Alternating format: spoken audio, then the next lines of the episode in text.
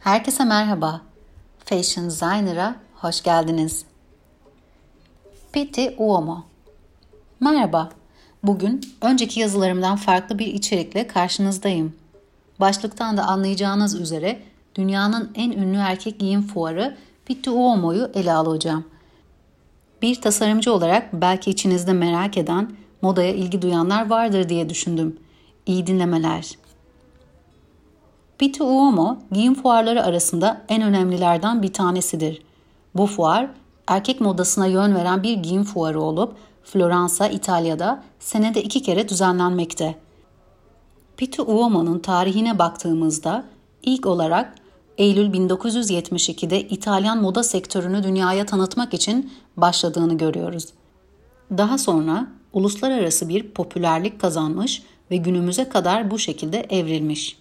Pitti Uomo markaların en son koleksiyonlarını satın alıcılara göstermek için katıldığı bir fuar en özet olarak. Fuarda özel şovlarla da karşılaşabilirsiniz. Bazı markalar mini defileler yapabiliyor. İlk olarak tam da salgın öncesi katılma fırsatı buldum. Fuara 2020'nin Ocak ayında fuar alanına yaklaştıkça Floransa sokaklarının renklendiğini görüyorsunuz. Bir anda runway'in içine girmiş gibi hissediyorsunuz kendinizi.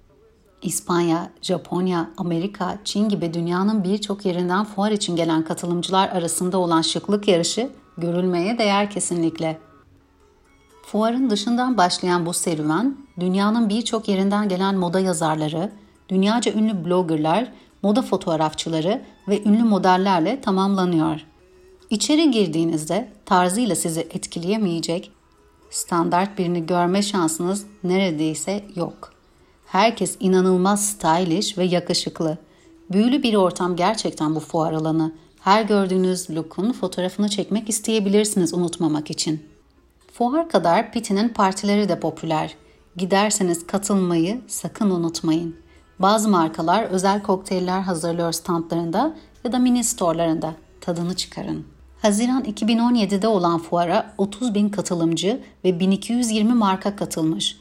Ne kadar büyük ve geniş kapsamlı bir fuar olduğunu söylemeden geçemeyeceğim. Fuar alanı içinde standların olduğu yerlerde fotoğraf çekmek yasak. Ürün modellerinin çalınmaması adına ortak alanlarda rahatça fotoğraf çekebiliyorsunuz. İnternette men streetwear diye arattığınızda karşınıza çıkan fotoğrafların %90'ı Bitty'ye ait olsa gerek. Ben de daha fazla uzatmadan çektiğim fotoğrafları sizinle paylaşmak istiyorum. Bunun için lütfen fashiondesigner.com'daki galeriye bir göz atın. Yazar Elif Naz Efeoğlu Mottosu Let's be beautiful, be colorful and be you. Seslendiren Nezihe Karakaya. Bir sonraki yazıda görüşmek üzere. Hoşçakalın.